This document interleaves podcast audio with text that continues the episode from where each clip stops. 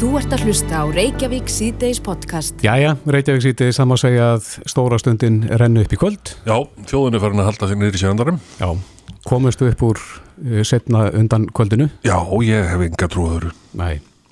En uh, Diljá Péturstóttir, hinn eina sanna er á línunni, kom til sæl Diljá. Sælir. Já, Já, hvernig er stemningi svona stuttu fyrir keppni?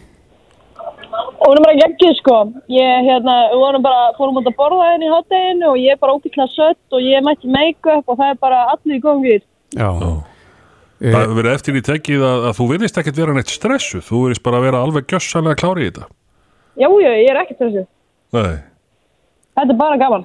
Já, he- hefur reynsli gengið vel fyrir sig? Já, sko, það hefur verið tæknivandamál en, en, en mér hefur gengið vel og okkur, okkur tíminu en, en svona atriði sem við höfum ekki stjórn á beint hafa verið smá erfið en vonandi bara að redda staðið fyrir kvöldi. Mm En hvernig er með þig sjálfa? Er þú eitthvað að velta fyrir þér veðböngum og, og slíku? Nei, alls ekki. Nei, þú ætla bara að gera þitt. Já, já, auðvitað. En svona rendaði sér við það með okkur, hver, hver er helsta breytingi frá því að við sáum þig hér heima? Um, Venjúið, ætli, ætli það ekki, það er bara stærð, stærðar gráðan á, á, á sviðinu og tekniði möguleikum og ég er bara að nýta mér það og ég er komin í ný föt og ég er orðin ljósar og það er, er eiginlega bara ógislega mikið af breytingum. Já, já. Eh, Er eitthvað, eh, svo við tölum nú um önnur atriði, er eitthvað atriði sem er í sérstöku uppáhaldi á þér, einhver önnur þjóð? Um, já, sko, mér langar eiginlega að segja þrjár. Já, já, segðu allar. Svíþjóð, Finnland og Sviss. Já, já. Já, Við, við þykir svo vænt um Svissina, sko. Hann er bara svo æðislega strákur og syngur svo ógeðslega fallega og bara er fílan alveg í bá. já. Er, ert að kynnast þessu fólki þarna úti mikið? Já. Sérstaklega þau sem voru í prípartíunum með mér, sko. Já, já. Það voru ekki allir sem fóru í prípartíun en ég kynntist alveg nokkum þar. Já, akkurat. Já, það er einmitt að tala um að það sé oft mikið stöð á þessum prípartíum og, og þar eru einmitt tónlistamennar að koma fram. Og uh, tókst þú eitthvað, eitthvað eh, annað lag heldur en, heldur en það þú uh, hérna, syngur í kvöld? Nei, bara, ég hérna, tók nýja lag, ég var sem að gefa út nýtt lag á þriðjudaginn, ég tók það hérna í Nordic-partíinu í Liverpool, Já, frumflutti það, en, en annars hef ég bara verið að taka power. En Dilja, þetta er, þetta er stórt svið. Serðu fyrir þér að þetta komi til með að kynna þig svona á alþjóðavettvangi? Algjörlega, það er margir að horfa. Já, finnur þið fyrir, fyrir áhuga? Já, já, já, algjörlega. Ég, ég er samt ekki, í byrnir hreinskilega var ég ekkert rosa mikið að skoða miðla og, og samfélagsmiðla og hann er núna, hann að, en, en, en, en já, annars hef ég alveg fundið fyrir miklum stuðning. já. Hva, hvað gerist núna þar að segja frá þessari stundu og þú stígur á sviðið? Hvaða, hvaða prógram er framöndan? Uh, Make-up, hár og uppbytun. Já. Þannig að þetta verður bara svona nokkuð þægilegt fram að, fram að atriðinu. Yes. Eh, Þú ert sjöunda í rauðinni, er það gott? Yep. Er gegn, já, það er fullkomið. Er það ekki? Besta talan, Jú, það er fullkomið staður til að vera á. Já. akkurat. En Dilja, við ætlum ekki að tröfla þig mikið lengur, við segjum bara eh, gangið þið vel í, í kvöld, við skulum vona að, að Evropa takki við sér og, og kjósi þig áfram. Já, takk hjá fyrir að fá mig. Kæra þætti, bestu hvað er út. Takk fyrir skila því. Þú ert að hlusta á Reykjavík síðdeis podcast. Það er Reykjavík sítið seldur áfram, það eru fréttir hér úr uh, kjaramálum. Uh, Ebling stóð fyrir kostningu meðal sinna félagsmannan, hvort að Ebling hætti að segja þessu úr starfsgreinasambandinu og uh, nú liggur niðurstaðan ljós fyrir. Það var samþygt með yfirgnafendi meirluta þeirra sem tóku þátt. Það voru 20.905 á kjörskrá en 1.051 uh, tók þátt í kostningunni. Uh, 5% kjörsókn og meirluti þeirra sem að tóku afstöðu þeir eh, samþyktu úrsögn úr starfsgrunarsamandinu, það er 71,51% á móti 28,49 Já. þannig að það verðist bara leikja ljóst fyrir að, að ebling er á leiðin úr starfsgrunarsamandinu og svo verður tíman að leiði ljós hvað áhrif það hefur. Já, hún er aðeins að gliðna uh, verkarlis, já, baráttan og, og, og reyfingarnar. Já, Ræðum þetta kannski nána síðar en við ætlum aðeins að snú okkur næst að björgunar þyrlum, sjúkra þyrlum, svokulluðum sem að þingmenn Suðu kjördanis hafa sérstaklega barist fyrir á undanförnum árum og einn af þeim, hún hafði Srann Hafsteinsdóttir, þingona framsónaflokksins, skrifa grein sem að byrtist hennar vísi.is í dag. Það sem hún fer aðeins yfir málið út frá sjónarhóllni framsóknarflokksins en uh, það er einmitt Viljum Þór Þórsson uh, ráðferðarflokksins sem er með þetta mál og ætti að vera með þetta mál á sinni konu uh, Vilhelm Ráðnarsson þingmaður hefur einnig verið að vasast í þessum málum. Vilhelm er komin til okkar en Hafdís Hrönn er í síma. Komið í sæl komið í sæl. Hafdís, ef við byrjum að það þér aðeins innihald greinarinnar á vísi.is hvað ert að fara með þessari grein? Sko ég er raunin að gagna það að við séum ekki að fá fjármögnuna sem að þarf til til þess að koma þessu verkefnastaf. Út af því að fyrir, út frá mínum bæturum sé þá er þetta alveg borlíkjandi að törfin er svo sannlega til staður og þetta myndi auka öryggi þeirri sem að búa á þessu viðþöma svæði og tala nú ekki um þegar að uh, okkur þrefaldast, eða þrefaldast fjöldir hérna á sömlun til dæmis, þá myndi þetta vera mikið öryggist tól fyrir íbúa á ferðamenn og þá sem að fara hér um Suðurlandi og þetta myndi í rauninni styrta viðkvæmstíman og ég í rauninni er kannski kalla eftir því að við förum í með sko sameinuða átaki inn í það að tryggja þessa fjármögnum svo að það sé hægt að fara stað með þetta. Mm -hmm. Já, þú vilt meina það sé í greininni að þetta mál sé komið á ís vegna uh, þess að hvað fjármálaráðnitið er ekki að veita nægu fjármagnu í verkið? Já, það er búið að óskæfti núna í tvígang allavega að í fjármálaállun að fá fjármagn í þetta verkefni en það hefur ekki fengist ennþá. Þannig að ég, ég er svona að kannski eh, varpa fram þeim sjónum um hvers, í rauninni hvers vegna. Við, þú veist, mér finnst þetta svo, þú veist, mér finnst þetta svo mikilvægt og ég og Vilhelmur Árna höfum alveg verið sammála um það og höfum rætt þetta líka okkur á milli að þetta er eitthvað sem þarf að fara í gang og ég veit að hann hafi náttúrulega mikið frumkvæða að þessu á sín tíma og, og kannski ástæðan fyrir þetta komst alltaf fót en nú þurfum við bara að klára þetta verkefni. Vílamur, hvað segir það við þessu? Er, er þinn ráð þeirra að draga lappirnar í þessu? Nei, sem betur fyrir ekki og, og hérna, ég held að sé engin einstaklingur eða engin sem að vill draga fætunar í þessu máli, alls ekki og Við, það hefur verið mikil þverrapolítisk sátt um þetta mál í gegnum þingið í ríkistjórn, bæði fyrir ríkistjórn og núvarandi ríkistjórn og svo hafði segir þetta búið að samþygt sko að fjalla heilbríðsráður og fjármláður að setja þetta í fjármögnun og svo kemur bara COVID og þá var þessu frestað.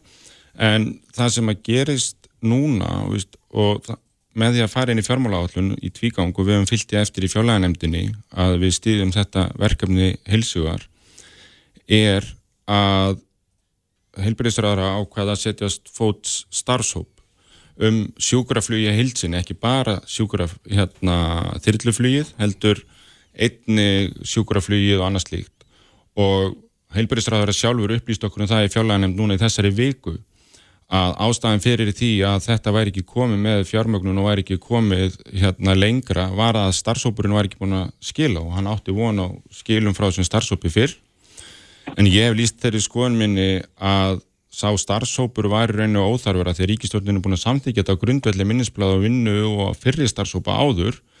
Þannig að mínu veit er engu, þurfum við ekkert að býða eftir því að forgangsraða yfir 200 miljardum af ramma helbreyðsráð þeirra inn í þetta verkefni að því að fjármuninir munu koma tilbaka annar staðar og annars líkt en það þarf ekki mikla fjármögnu í þetta verkefni. Og heilbyrðisráðara sem er fagráðarinn að byrja ábyrða á þessu og hefur öll gögn í ráðanitinu tilbúin um verkefnið getur bara fjármagnaði sínu ramma strax á morgunni á vill. Já þannig að fjármuninir eru til það þarf að forgangsraða í, í, í þessa átt segir þið. Já og, veist, og það er bara þannig og ef að, ef að þarf að setja þetta sér á fjárlög þá náttúrulega bara leggur heilbyrðisráðar það til og, og ráðar að nefndu ríkisfjármál mm -hmm. tekur það ákvörðunum hvernig fjárlegin líta út og það er svo samþýtt í ríkistjórn það sem heilbyrðisráðar það setur og eins og ég segi bara tveir liðir uh, uh, heilbyrðisjónastu utan spítala og spítala þjónusta og þar með heilsugjastlan allt saman er að fá yfir 200 miljardar í fjárlögum. Þannig að fyrir tæpar, tæpan 1 miljard sem að sjúkraþyrluverkefni kostar en ég benda á að það dregur úr kostnaði sem að heilbyrjusránandi er að borga hvað sem er. Þannig að, að ég sé nú ekki að sé fjármögnunvandi heldur er þetta bara að taka ákvörðunum að leggja stað svo ákvörðunum föstin í starfsópi núna sem ég til ekki þörf á en, en, en Solis Forða og heilbyrjusráðara upplýst okkur í fjárlægnemdi vikunni að það væri það sem að stæði fyrir vegi fyrir þetta að vera byrjað, það nýðust að starfsópi ja, Þannig að það þarf í rauninni bara að taka þetta verkefni út fyrir svega úr, úr þessari starfsnumd og, og, og fjármagna hana sérstaklega. Já, það Já. var búið að gera það upphælega en svo var bara sett aftur í starfsópi En hvað séu þessu að það hefur verið að vísa ábyrgin aftur yfir á þinnra á þeirra?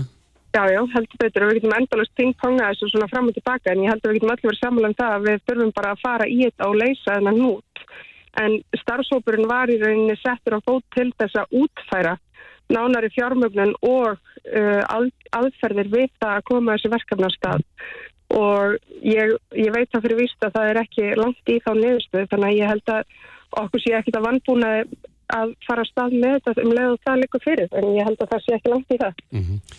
og ég, ég treysta að vilja átna með í það verkefni inn í fjárlæðanönd. Já, förum aðeins yfir sko, verkefni sjálft, Viljámur. Hvað eru þið með í huga varðandi þessa sjúkarþöld? Við vorum hérna með stafsmann landilíksjæslunar um daginn sem að vil hafa þetta innan þeirra vébanda, þetta flug. Já, uh, það er ebla, alveg skýrt að... Ebla þá þyrklusveit sem nú er þegar til staðar?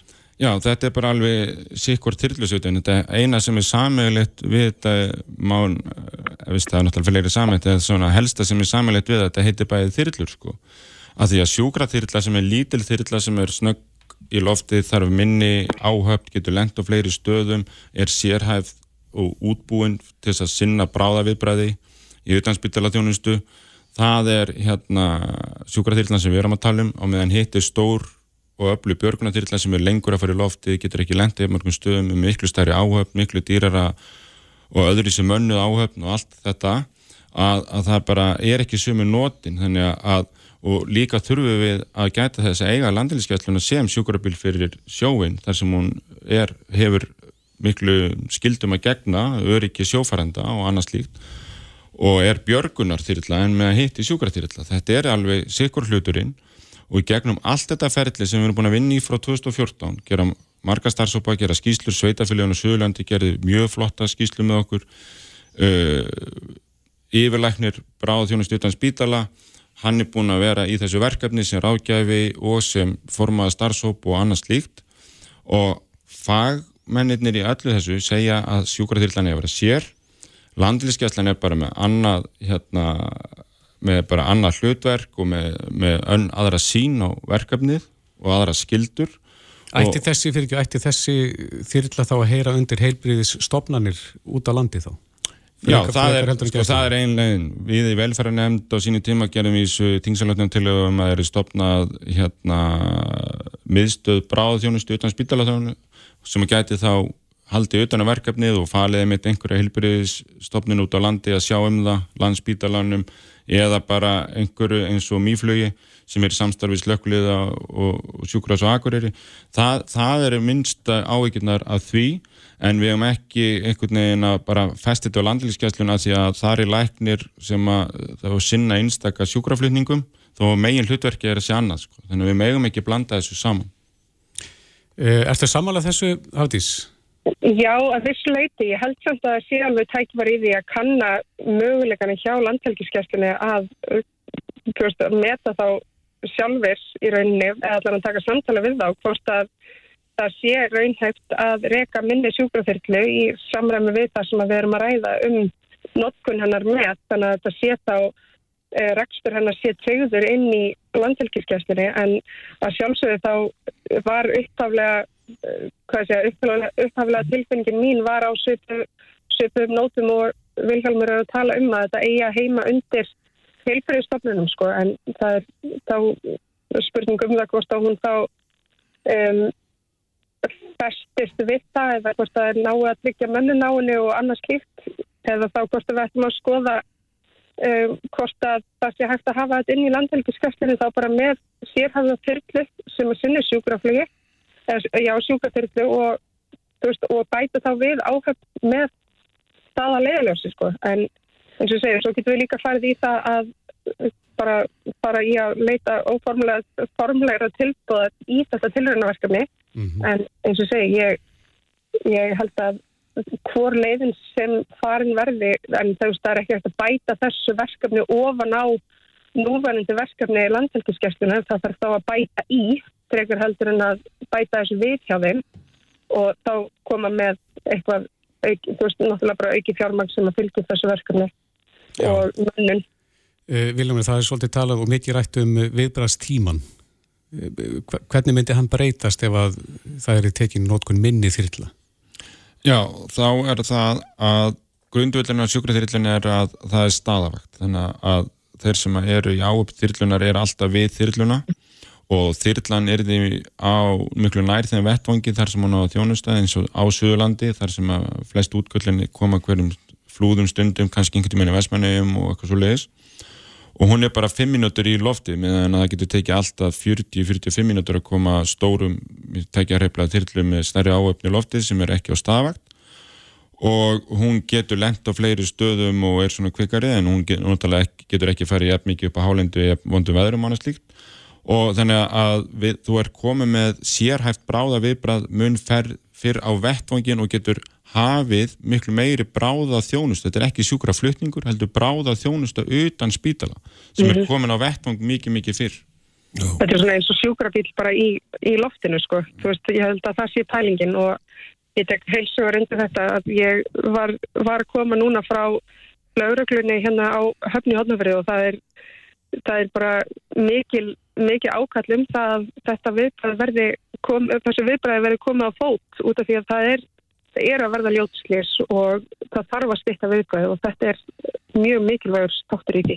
Já, og talaður einmitt um uh, sjúkrabíl í loftinu, nú náttúrulega eru sjúkrabílar uh, reknir á Rauðakrósinum og uh, þetta er bara keft þjónustæður ríkinu þarf ríkið endilega að standa í þessu sjálf, væri mögulega að uh, gera þetta gegnum engaðilega? Já, já, það er minnsta mál og við getum bara fengið eftir 2-3 mánuður sjúkraþrillu frá Nóri þar sem þeir eru með margar svona, Vist, öll löndin í kringum okkur er reka svona þjónustu og, og líka hafa verið rekstraðalar hér á landi sem eru með þyrllur og þyrlu flugmenn og allt saman. Þess að við getum alveg hérna sint fluginu. Því skaffu okkur bara brálagnirinn og, og, og, paramedikinn eða sérhæða sjúkraflutningamannin. Mm -hmm þannig að, að þyrlunar er með þess að til hérna í landinu sko. þannig að, að, það, að þetta þarf ekki að þetta er gert í mörgum öru löndum og, og hérna þannig að við getum samnýtt þetta með öðrum og annars líkt og við getum líka gengið ennlengra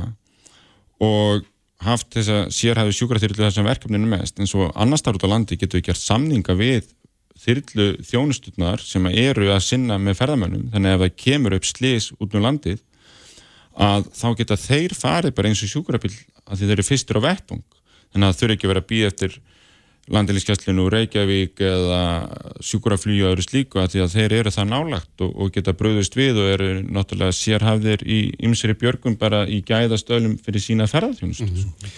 Rétt aðeins í lokin, hvað er langt í, þetta? Er, er málið í ykkur klemmu?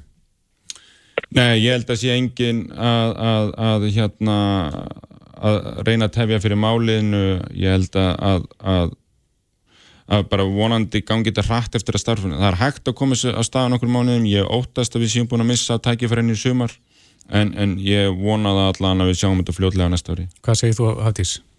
Já, ég tek heilsugur undir þetta. Það, ég, þetta ætti ekki taka langan tíma og eins og segi, ég, ég vona að það sé ekki rétt að við séum búin að missa af sumrinu því að þetta erði mikil, mikil bót fyrir, fyrir landi að þetta, eða fyrir söðurlandi sérstaklega að þetta myndi komast inn núna fyrir sumarið en ég held að þetta mun alltaf taka ykkur á mánu en ég vonast til þess sem allra fyrst. Já. En ég vil ekki meina að málu sér í klemmi og þetta, það, það var bara íta á þetta og ég treysti á, á leðsinni hans Viljáms Árnarssonar í því, því verkefni. Ég efast ekki maður sem er tilbúin í þessu verkfæri nú sem og áður. Já, það þarf að vinna þetta hratt á. Haldur betur. Hafdís Rönn Hafsteinsdóttir, þinguna Framsónaflokksins og Vilján Árnarsson, þingmaður sjálfstæðisflokks. Kæra þætti fyrir komuna. Já, takk fyrir okkur. Þetta er Reykjavík C-Days podcast. Sveitafélög orðið gjaldfróta og ef svo er, hvað gerist á? Sigur Lingi Jóhansson, innviðar á þeirra komið til okkar, velkomin. Já, takk fyrir. Ef við byrjum að svara þessari spurningu, geta sveitafélög orðið gjaldfróta? Nei, eiginlega ekki, ekki nema allir íbúðarnir myndi bara held ég að flytja á, á brott samtímis. Sko, lánasjóður sveitafélaga er þeirra svona helsti lánveitandi og hann er með veð í framtíðartekjum, þannig að meðan þeir einhver íbúar þá kom alltaf einn tekjur og þetta er nú svona einn ein af örugustu lán, lánum sem að hérna lánveitindur veita og það var held ég aldrei fallið niður þannig að, þannig að það er það, það, það, það eru lágur vextir að þeim og, og hérna þau kom alltaf tilbaka. Næst, næst og eftir þar er eða kannski undan er ríkið en, og svo kannski eftir þessum sveitafélagum eru kannski bara heimilin okkar sem eru eru góður lántakar Já. fyrir lánveitendur. Það er að því við borgum þetta alltaf. Já, það, var, er eins með sveitafélagin það var ekki langt síðan að uh, já, það var einhvers konar inngrip uh, varandi Áltanes Jú. og svo náttúrulega í, í Reykjanesbæi þá hefur uh, ekki verið tekið teki til. Já, þetta eru, þú nefnir einmitt nokkur svona, sko, við erum með mismunandi aðgerðir, við erum sem sagt með eftirlisnemnd með fjár, fjármálum sveitafélaga sem fylgist með og hefur sem sagt þá frumkvæði að senda út svona viðvaranir ef að menn fara yfir þessar viðmið sem er í fjármálareglum. Uh, það getur verið nóg í sjálfu sér og þá fara sveitafélagin á stað og skoða sín mál og laga það er næsta skref er að við getum gert svona samning. Við erum nýlega búin að gera slíka samning við Árborg. Uh, þar á undan við, við Holmavík og hérna Hverslega samningar eru það? þá er það um að fyrst og fremst bara fyrsta stigs samningurinn er raun og vera við, við í gegnum jöfnarsjóð stiðjum svona fjármálulega greiningu en sveitafélagin á móti lofa allskins aðgerðum með mælikverðum og að eftirlisnefndin fái meira að fylgjast með þetta er svona meira på borðinu og menn lofa alls konar hlutum síðan getur næsta skrefið verið eh, samningur þar sem að menn koma inn með, með hérna uh, heimildir til þess að hækka útsvar eða jafnvel með einhverja fjármunni úr jöfnarsjóði til þess að komast í gegnum hlutina. Reykjanesbæri til dæmis mjög gott dæmi um svona mildan samning þar sem að sveitarfélagið hérna raun og veru óskapar eftir því og fær slíkan samning og síðan hafa eins og Kjartan Már hérna bæjastjóri núna hvað er þriða kjartinanbíl þeir hafa bara unnið úr þessu og, og sveitafélagið er bara stendur bara vel í dag komið held ég skulda hlutvall í kringum 100% og meðan að 150 eru mörkin og var auðvitað langt þar yfir. Og núna síðast hefur við gert svona, já, mildi samningu að Árborg en, en svona í stittri tíma þá var Altanes en þá varstu komin í, í hérna Hámars aðgerðina þannig að þar var sett fjárhaldsnemnd yfir. Hún getur annars vegar komið til vegna beðin í sveitafélagsins eða þá að, að hérna frumkvæði ráðara. Hver skipar þá nefnd? Ráðara eða semst ráðanetti. Mm Og hún tekur þá bara yfir stjórnina á sveitafélaginu. Það er svona, ef ekki að segja, svona grimmasta yngrippið. Það getur þá komið bara inn og sagt það þarf að gera þetta og þarf þá ekki samþengi sveitastjórnarinn að vera við til, selja eignir og hækka útsvar og, og gera ímislegt. Það tókst hins vegar gríðilega vel að verja svona grunn innviðina þar sé að skólar og leggskólar fundu ekki mikið fyrir þessum aðgerðum. Hluti af þeirri aðgerð var náttúrulega saminning við starra og ríkara sveitafélag. Það getur stundum átt við en, en hérna var náttúrulega ekki ekki í Reykjanesbæði, þeir fóru bara á einu vélarafli og gerðu þetta bara glimrandi vel og við varum rós, rós skilið. Um, og svo er þetta við þekkjum þetta hérna annar staða frá líka eins og, var Danmörku þar var, að ég nefndi samanningar sko, það var þar var að, að hérna, þar var tekin ákvörunum að öll sveitufæli ætti að vera 20.000 að lámarki nema eigjar sem væru undan þegnar og voru einhverjar minni til en kannski ekki nema nýri í 4.000 mann, manns í hverju sveitufælagi En, og, og svo fengur við eitt ár til að samanast og auðvitað eru allir brjálæðir eins og alltaf verður þegar svona, svona samanningar og ofan koma. En það voru allir búinir að ná þessu marki löngu áður en þetta eitt ár var nema nágrannar við eitt sveitafélag sem hétt Farum og var gjaldfróta en sagt, eða ekki gjaldfært, það var sem stóð mjög illa og fyrir um bæjastjórun í fangelsi það hafði sem gengið frábærlega vel í nokkur ár og var fyrirmynd sveitarfélaga bæði frá bandarækjunum og Asju og menn koma öllum heiminum að skoða. Bæjastjórnin drakk 100.000 krónur rauðvin á fundum og eldri borgarnir byggu á, á, á tenni eða, eða hérna, næstu eigi sem að normennir, nei, daninni fer til. Mm, en svo komað skuldadögunum og þá var, var það gældráta og það, þessu sveitafélagi vildi enginn saminast þannig að það varð saminað af ríkinu næsta sveitafélagi Já. en við höfum sem sagt ákveðin togluhaldir og svo eru líka í nýlögum breytingum á sveitstofnulögum heimildir til þess að, að hérna, til aukina nöðungarsamninga sem ekki var aður. Já, nú hefur náttúrulega verið alltaf ábyrjandi á síðustu árum að það var mörg verkefni og jafnveg stopnarnir fæst frá ríki til sveitafélaga. Er þetta að slíka eh, sveitafélagin? Er, er gott jafnvægið þetta milli? Um, ef þú spyrir sveitafélagin þá finnst þeim það nú ekki og hérna það var svona fyrst og fannst tvör stórverkefni annars við grunnskólinn og svo málefni fallar að fara yfir og, og reyndar hefur svona heyrsteil allan tíman frá því að grunnskólinn fór yfir 96 að það hafi ekki komið nægilegt fyrir, þetta breytist líka þjónustan, hún er verið að færa hana nær og, og hérna það er talið gott og ég, ég er stuðnismæður þess en það er alveg rétt, sveitafélagin standa mismunandi þannig að af þessum cirka 8-10 lögbundnu verkefnum og þjónustu í þeirra starfsemi sem eru lögbundin þá eru mjög mörg sveitafélag sem ná ekki að sinna þessu. Mm. En það er oft vegna sem þau eru lítil og, og burðug. Já, þú talar um saminningu sveitafélag og þú hefur verið talsmaður þess. Hvað eru sveitafélagi mörg í dag? Það eru 64, það eru 10 sem er ennþá undir 250 íbúum og helmingurinn af þessum 64 eru undir 1000. Já, þú vilt vantala samin enn frekar? Já, ég fór nú í sveitastjórn 94 sko í mínu litla sveitafélagi hrunumannarreppi og ég var þá þegar mjög fljótlega á þeirri skoðun að þetta væri ólítist sveitafélagi og það væri betra að þau erðu stærri og sterkari gætu tekið svona verkefni. Mm -hmm. þannig við værum ekki að kaupa þjónustuna frá stærri sveitafélagum eða frá Reykjavík heldur gætum ráðið fólk til þess að sinna þessu. Þannig að hluta til yksu sveitafélagin bara með meiri sérfræðiþekkingu og fleiri tækifærum í, í stjórnsýslu. Um, og svo væri þetta aðal markmiðið er að veita eins góða þjónust og hægt er og eins jafna út um allt land en eitt af frumskilur þessi er að sveitafélagin séu burðu til þess. Já, hvað viltu samina næst?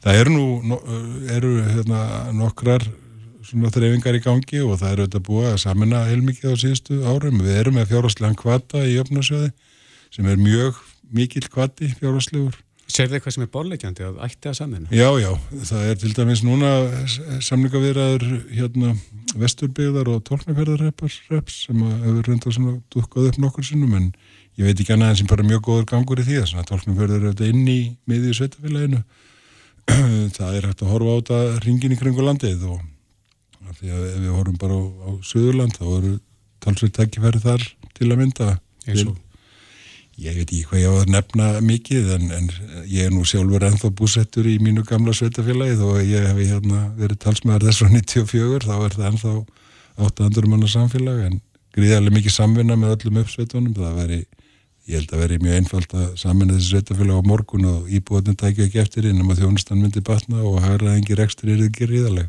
Mm -hmm.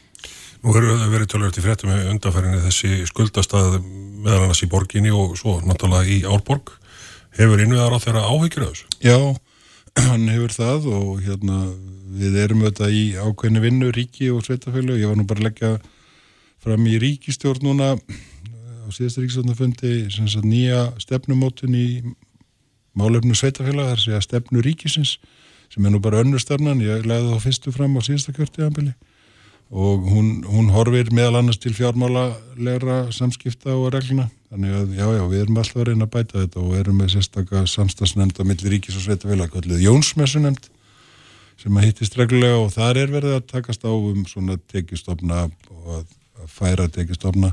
Nú síðan er núna áhugaverð umræða hjá orkusveitafélagunum um að, að, að mjög stór hluti af orkumannverkjum sem eru undan þeginn öllum göldum og sköttum og ég held að það sé algjörlega réttmætt hérna upplegg hjá þeim að, að það sé óeðlilegt eins og það er.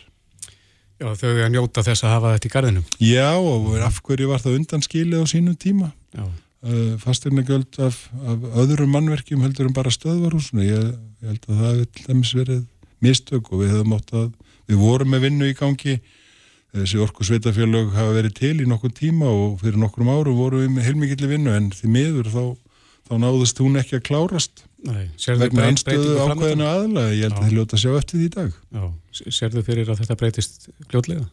Já, við erum núna með starfsópast eða störfum eða sem er að hefja störf uh, sem að hérna ég, já, ég hef fulla trú á því að við munum högg á þennan nút. Já. Þú ert innviðar á þeirra og uh, byggingar hafi verið svolítið í umræðinni og sérstaklega þá raka vandamál og, og mikla. Já. Uh, voru mistök að leggja niður ansvoknastofnun byggingar einaðuris?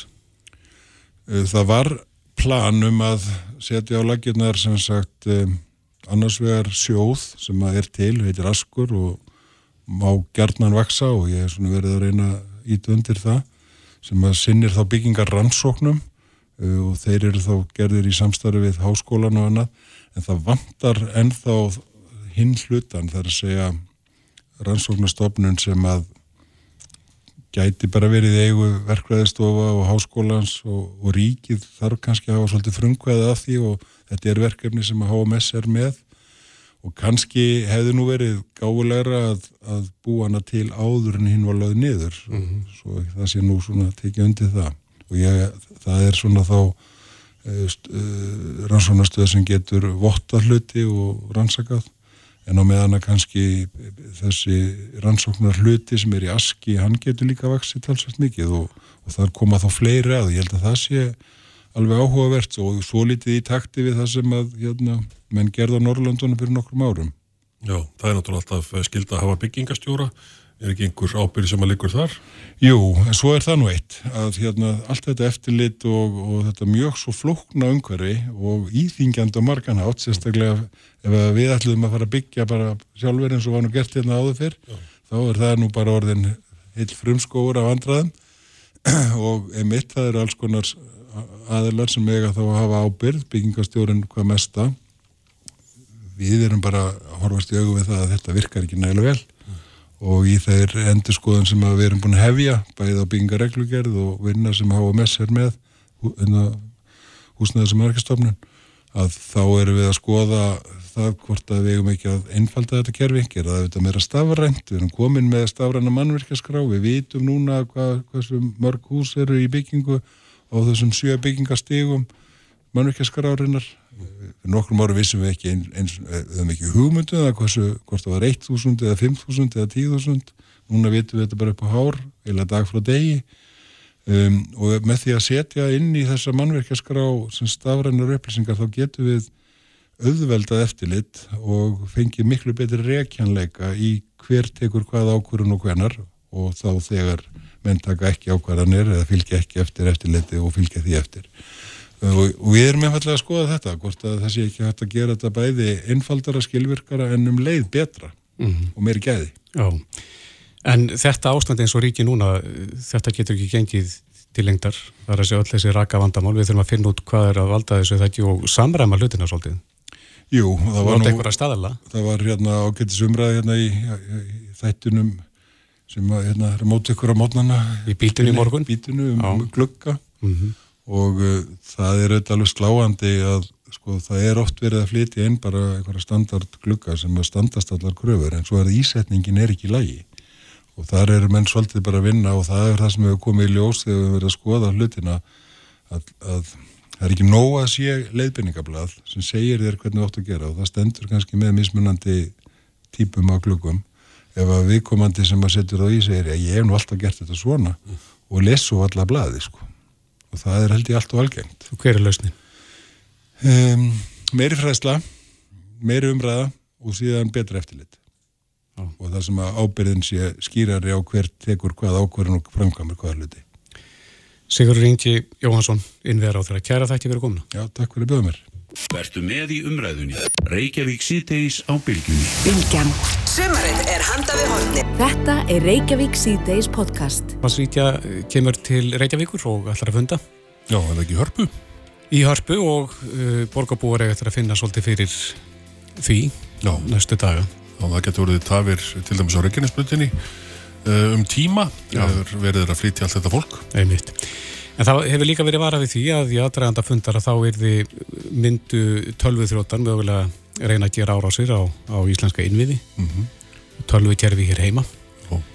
en eh, Guðmundur Arnar Sigmundsson fórstuðum að netöryggisveitarinnar Sertis er á líninu, kom til sæl Já, komið sælir Þið eruð í rauninni varnalínan okkar þegar að kemur að tölvu árásum hvernig hefur verið eitthvað umferð tölvuþróta að herja á okkur? Já, við höfum, jú, við erum hluta varnalínni, við erum svona að sinna þessu samanvengu hlutarki okkar núna og í því fælst fyrst og fremst að við erum bara búin að vera að stilla saman strengi kakvart öllum þessum rekstarraðalum í öllum þessum mikilvæg innviðum á Íslandi. Þannig að uh, við höfum séð uh, mikinn, vöxt í tilraunum til þess að komast yfir kerfi og svona hnitniðar svona eh, svindl árásir það sem er verið að reyna að plata fólk til þess að opna einhver vafa sem viðhengi og fleira til þess að koma einhver svona óværu inn í tölvukærin til þess að geta ná tökum á þeim. Við hefum svona séð stort stökk í svona tilraunum svona síðastleina vikur og það má eiginlega lesi það að það er í rauninni það sem við byggumst við, það myndi gerast uh, og það má lesi það í rauninni uh, svona að horfa á með tveimur á tveimur sjónarhóttum, annars vegar þá er bara feinilega eins og var viðbúið uh, fleiri tilraunir, anteklin er á Íslandi og þá er svona fleiri aðilar þá núnt í heimi sem eru svona að þreyfa fyrir sér á íslensku í, í íslenska netumdæminu mm -hmm.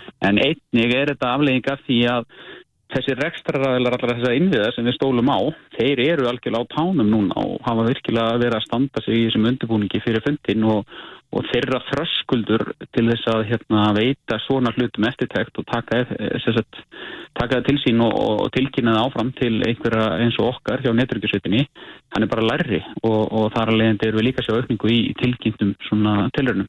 Er vita hvaðan þessar árásir er að koma?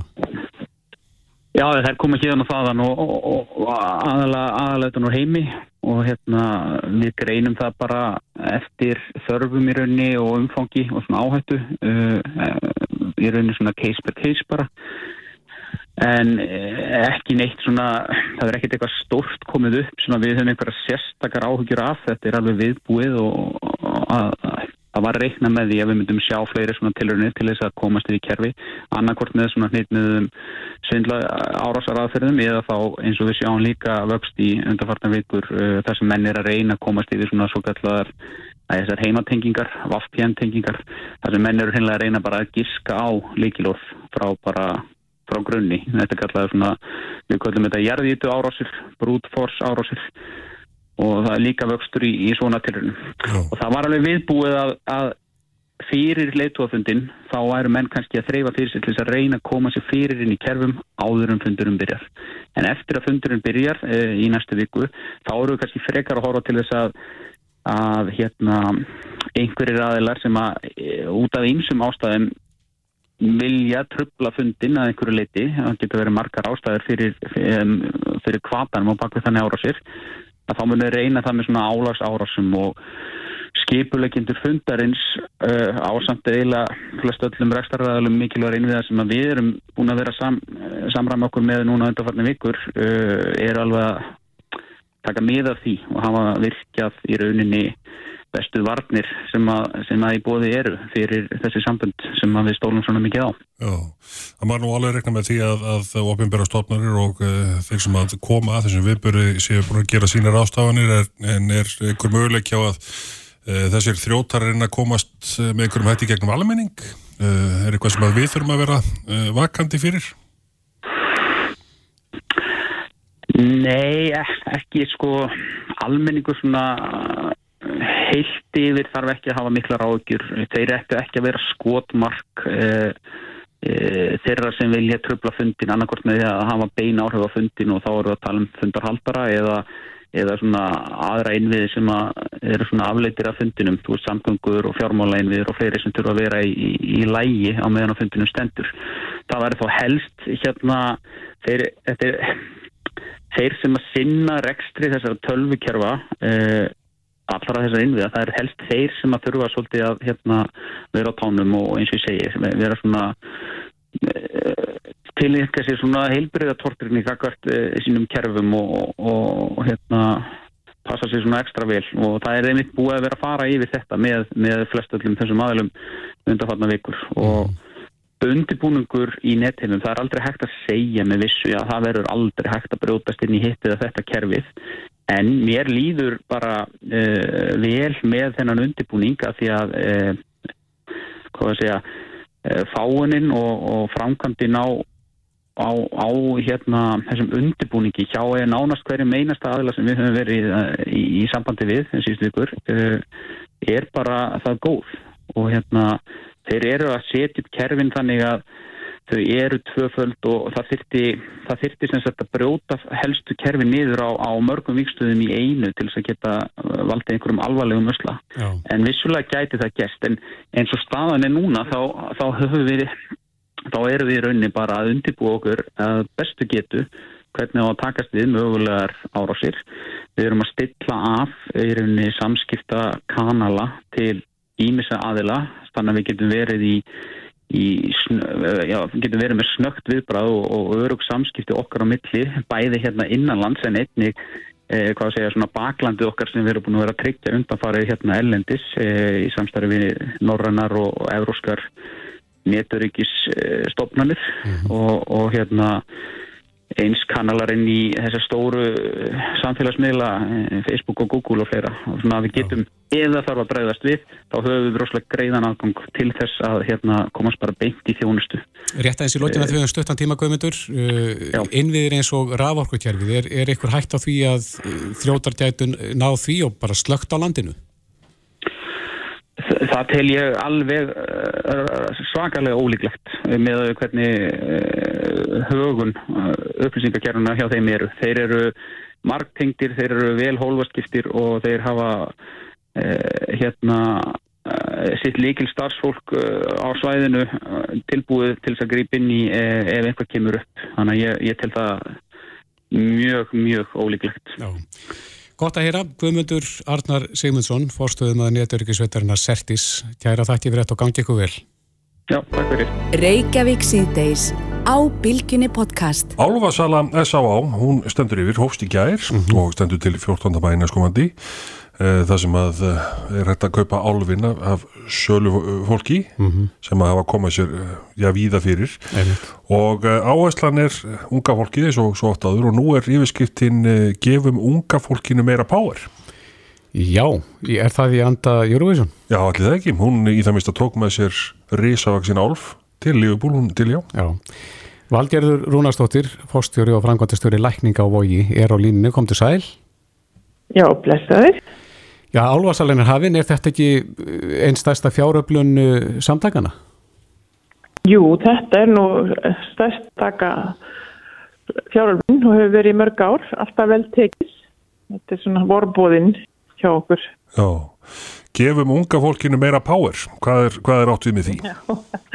Já, þetta er svona í enda Eurovision og þetta er náttúrulega Eurovision helginn og, og Dilja hérna, var mjög hrifin af þessum flotta ári mm. og það, það er bara við hægi enda má segja að það sé akkurat það sem við getum gert það er að gefa ungu fólki meira power, taka bara vel í sínar hendur og hérna eh, við áum það einmitt að þessi umræða núna sístu vikurnar eins og þegar við tekjum eftir um, um þessi sterkurkelli og ópjóð og döðsföllin og allt þetta hérna mm -hmm. að það er einmitt hérna yngsti hópurinn sem er sko að nota að auk, auka þessa nýstlu meir en að, aðrir aldhópar og það eru auðvitað ekki gott og þetta er ekkit fólk sem er hérna skilur að lofa stegum í sinni nýstlu þannig heldur bara ung sem er í, í viðmefna nýstlu og er með fíksúdóm flestir venlega að þeir eru að fyrst þessum efnum og auðvitað stórhættulegt þannig að það er rosa mikilvægt að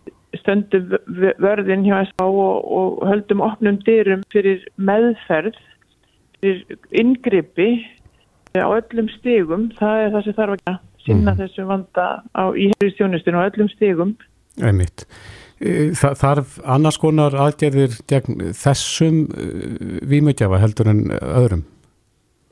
Já, það sem að er bara skiptið máli myndi að, að það sé gripi fljóttin, við þurfum að geta gert það vegna þess að það er svo hættulegar afleggingar á nýslinni af því þetta er lif sem getur eitt mjög fljótt auðveldlega í ofskamti þannig að það er mikilvægt auðvitað er alltaf mikilvægt en sérstaklega kannski í þessu.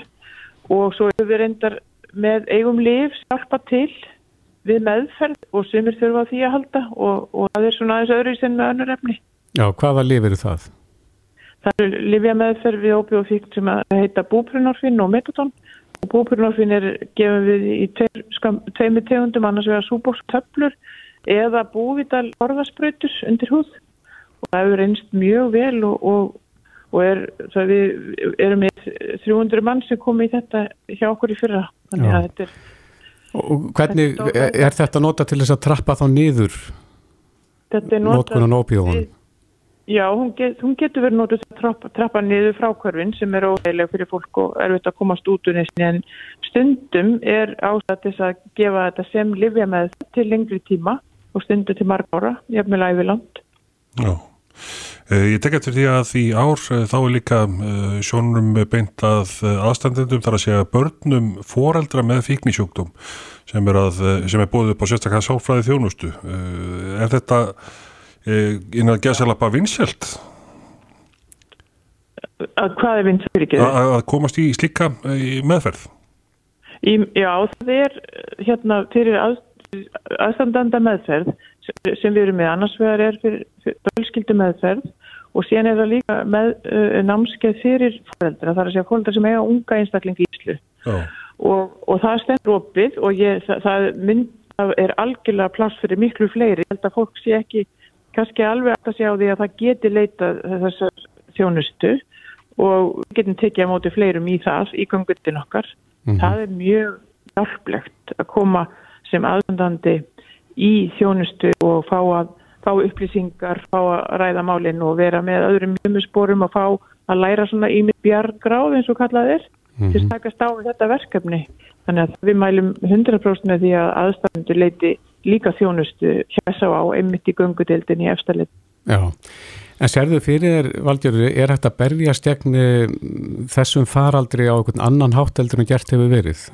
Þetta er eins og þú segir, þetta er sá hópur sem stækkar, er það ekki örast núna og hefur gert upp á síkastið?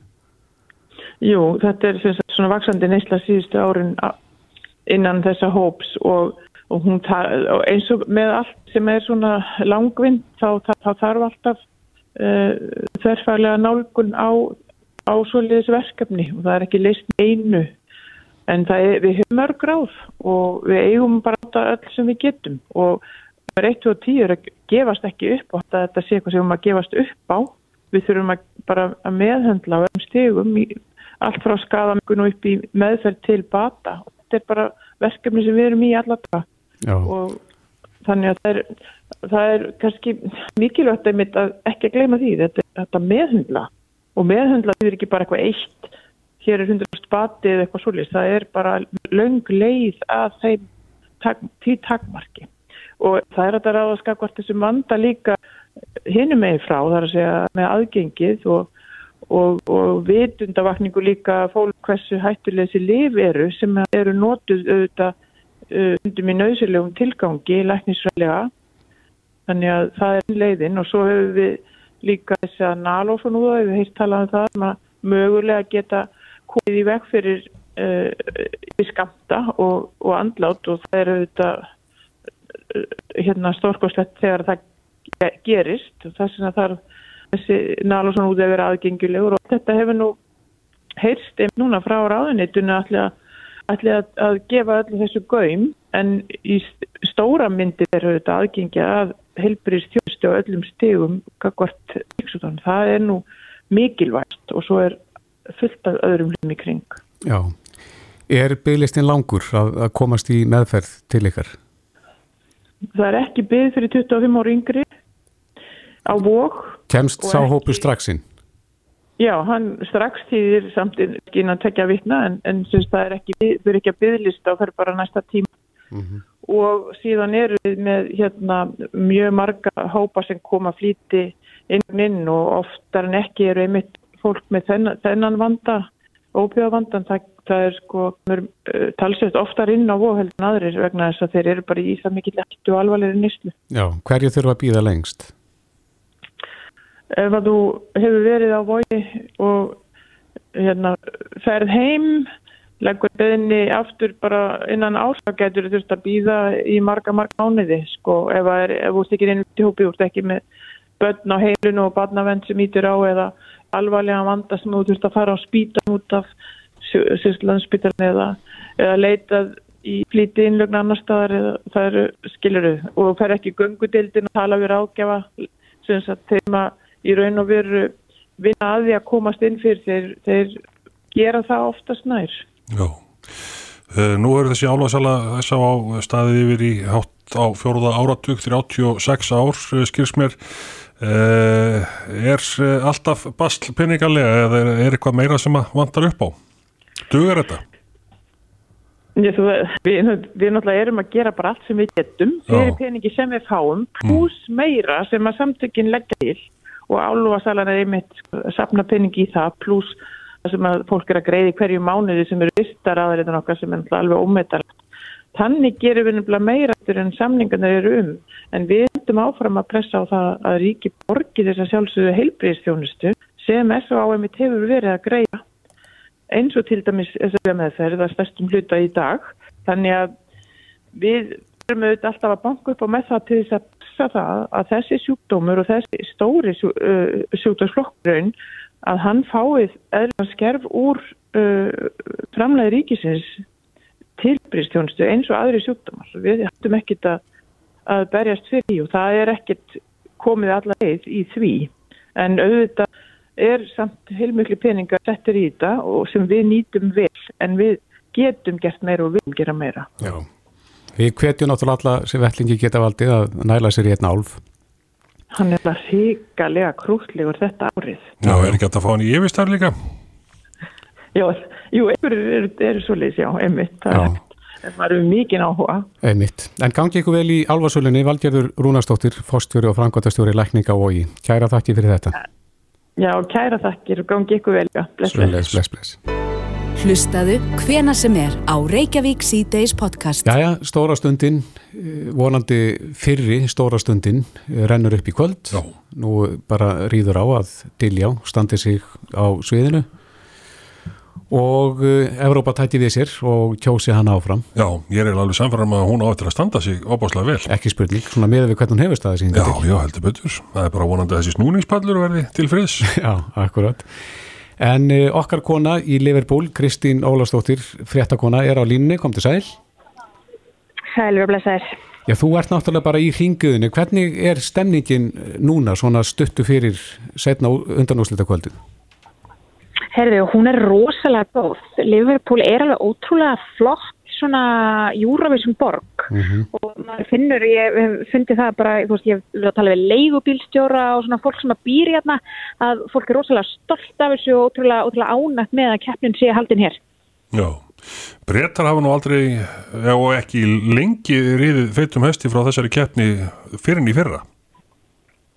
Já, akkurat það er alveg rétt og þeir hafa verið svona í bara halgir mótfráa náttúrulega. Það hefur svona einmitt loða við það og þeir hafa bara ekkert viður kentar til einu sinni á keppnina og hérna bara ekkert vilja með hann að hafa en, en með grunar og það hafi vantilega bara verið af því að, að þeim gekk svo um, um ára byll. Mm. En núna er, er, eru, eru bjartari tímar þannig að hérna. En þeir hafa líka tekið fram að sko sigurvegarar tjafninar í fyrra voru úgrænumenn. Sjást, sjást þess merki í Liverpool? Já, rosalega og það er náttúrulega sko litir keppninar eru hérna gulur og blár sem er náttúrulega fána litir úkrænu og svo kemur nýttar bleikur hérna inn í sem að gefur þessu svona Eurovision blæ eh, en, en það er allt fullt og maður sér rosa mikið að fólki sveipa úkrænu fánum og, og það er mikið af svona hérna hér eru svona uppblásnir fugglar út um allt, risastórir, þetta eru svona úkrænskir söngfugglar og, og mikið af svona blómaskreitingum í, í úkrænskum anda. Þannig já, það, hérna, þetta er mjög mikið, mikið úkræna líka. Já. Uh, eitt valandi lögadagskvöldi áðunum við förum að kvöldin í kvöld. Við skilst að uh, Daði Freyr sé að fara að koma þar fram, er það ekki rétt? Það verður íslensku fulltrú í það minnsta. Jú, já, jú það, hérna, mér, mér skilst það líka, hann ver, verður hérna í, í hóp, þau eru hann nokkur nokkur svona fyrirverandi vinsælega keppendur sem að ætla að koma fram, þannig að það verður rosa spennandi að sjá það. Og hann var með hérna konsert hérna í, í Liverpool í gær. Og það var alveg stappar á honum. Já, þannig að hann er vinsæl. Hérna, já, hann er rosalega vinsæl. Hann er algjör, hann er orðið svona, orðin svona alvöru Eurovision íkon, sko. Já, en þú ert búin að vera að fylgjast með það ekki íslenska liðinu þarna úti.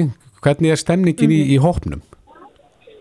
Herri, hún er rosalega góð. Hérna, ég hef talað við hitt bakrættirnar og ég hef hitt hérna rætti við Dilja og sjálfa í gerðkvöldi og svo maður hitt Rúnar Freyr og Sika Gunnars og þau eru öll bara á einu málu um að, að þetta sé bara rosa mikil samhældni, þau eru ótrúlega spennt og þau eru öll svo rosalega stolt af Dilja og maður finnir það mjög stert þannig að hérna þau bara taka, taka þessu af, af miklu, miklu æðruleysi öllu þó, þó að hérna veðbankar spá okkur ekki endilega áfram en, en þau eru bara ótrúlega bjartín og, og, og bara líður vel með þetta. Já, uh, talandu um veðbankana það hefur náttúrulega uh, ekki farið fram hjá neinum að það, það er talið ansið sígu, stronglegt uh, sænska lagið er það eitthvað mm -hmm. drag úr stemninguna að það verið stitt lag bara alltaf taka þetta?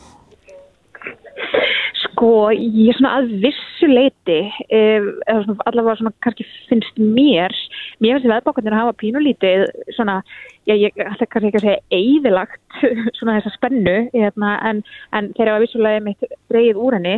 En ég held að fólk er náttúrulega mikið að tala líka um finska lægir um, þannig að það er aðeins verið að búa til svona smá, smá spennu. Fólk er að velta fyrir sér hvort að hann geti með tekið símakostinguna og, og þá ógnað, ógnað Lorén svona af einhverju alvöru þannig að það gæti mögulega komið inn óvend úrslitt en ég veit það ekki, við þurfum að spyrja leikslögum mm -hmm. Veistu til þessi, er, er sama fyrirkomulag í keppninni núna og var í fyrra? Varandi atkvæði og slíkt? Nei, ég held að þetta sé núna nýlunda í ár að það er bara símakostning sem gildir á undankvöldunum ég held svo að það, það sé þannig að, að, að svo komi domnefndin inn á, á úrslita kvöldinu og þá er þetta vera, vera skipt til helminga, þess að lægið 50-50 símakostning domnefnd. Já, nú er einmitt uh, svona eiginlega auka þjóð að bætast inn í og það er bara öll heimsbyðin. Nú má hún kjósa það ekki. Já, einmitt. Jú, ég, það held ég, ég reyndar er ekki alveg búin að kynna mig nógu vel þetta, þetta hérna, kostningafyrirkomlag, en jú, þau leggja ég með mikið upp úr því að, að hérna, kynnaðnir er alltaf að hérna, tönlast á þessu að, að, að heimsbyðin all getur kursi og þú, getur tjúnað inn í appinu og, og, og svo leiðist, þannig að já, þetta er áhverjast að sjá. Já. E, það segir hér inn á djeva.is að Íris Holm, söngkon og förðunafræðingur, hún er svolítið að brína landsmenn að, að vanda sig í, í umræðunni svona hvað við setjum fram á, á netinu og sérstaklega kannski í kjölfarið ef að, ef að þetta fer ekki alveg nógu vel mm -hmm. tekur undir það að, að við megum kannski svona passa okkur aðeins Já, já, eflaust. Ég meina við, hérna, kannski okkur hættir til að taka þetta kannski aðeins of alvarlega. Mm -hmm. við, við höfum alveg, alveg svona, verið ansi, ansi harðord. Það er alveg, hérna, þetta er til í, þetta er til í okkur vissulega, en ég menna eins og ég hérna talaði við, við Dilljá í, í gerðkvöldi og hún er með komið inn á sko að hún hafði alveg verið vörð við því að Íslandingar geti verið sko. svo segir hún hérna bara í beinu framaldi að, að hún hefði ekki fundið fyrir neinu nema stuðningi þannig að hérna það er alltaf bara stuðningur og skilja sér til hennars ennþá, að minnst það kosti mm -hmm. Nú var eh, dómararænslið, eh, var ekki gær Ert þú búin að sjá atriðið á söðinu? Já, við vorum, eh, ég og Helena Rakel, pródusent og, og tökukona sem með mér hérna úti, við vorum á bladamannarensli í gær sem var bara hérna rétt fyrir dómararensli var síðdeis og þá sáum við þessu öllu rendi gegn, aðriðnum sem er í, í setni undanáttunum og það var alveg stórkvæmslegt sjónaspill. Það var alveg svaklega flott, ótrúlega glæsileg. Já, er aðrið orðið betra heldur en það var hér heima? Já, það finnst mér. Það er náttúrulega ótrúlega flott að sjá þetta á svona stóru, svona alvöru sviði um, og það er búið að uppfæra grafíkina, hún er komin í nýjan búning, hún er með öðruvís hár. Það er svona, þetta er svona, það er búið að fína sér þetta, það er búið að svona, einhvern veginn, já, svona, setja þetta eins upp á, upp á næsta steg. Sko. Mm -hmm. En sami krafturinn í henni? Jú, það er alltaf saman krafturinn. Hún er náttúrulega ótrúlega, hún er fyrst og fremst svo ótrúlega góð söngkona. og ég held hún hafi bara verið með einna, einna sterkusti ef ekki sterkusti röttina í, í, í gær til dæmis. Já, þannig að við vitum ekkert hvernig Evrópa bregst við uh, þegar hún stýgur á sviði í kvöld. Það getur allt gerst. Nei, já, það getur allt gerst. Þú veist, það var eins og hann á þriðudaginn, þá, þá fór þetta bara nákvæmlega eins og veðbókandir hafði spáð, hérna, sem að kannski gerur okkur pínulítið uggandi núna því veðbókar eru ekki að spá okkur áfram, en þess, þetta kvöld er þetta er mun óljósara, þetta er ekki eins klift og skórið, það eru þarna lönd svona, hérna, í næri parturinn sem eru bara mörg með svona svipaðan stöður, þannig að ég held að það geti bara allt gert. Já, við sjáum hvað setur í kvöld og við segjum náttúrulega bara áfram Ísland, Kristín Ólarsdóttir fréttakona. Kæra þakki fyrir spjallið og bestu kvæði til Liverpool. Takk kærlega fyrir, áfram Ísland.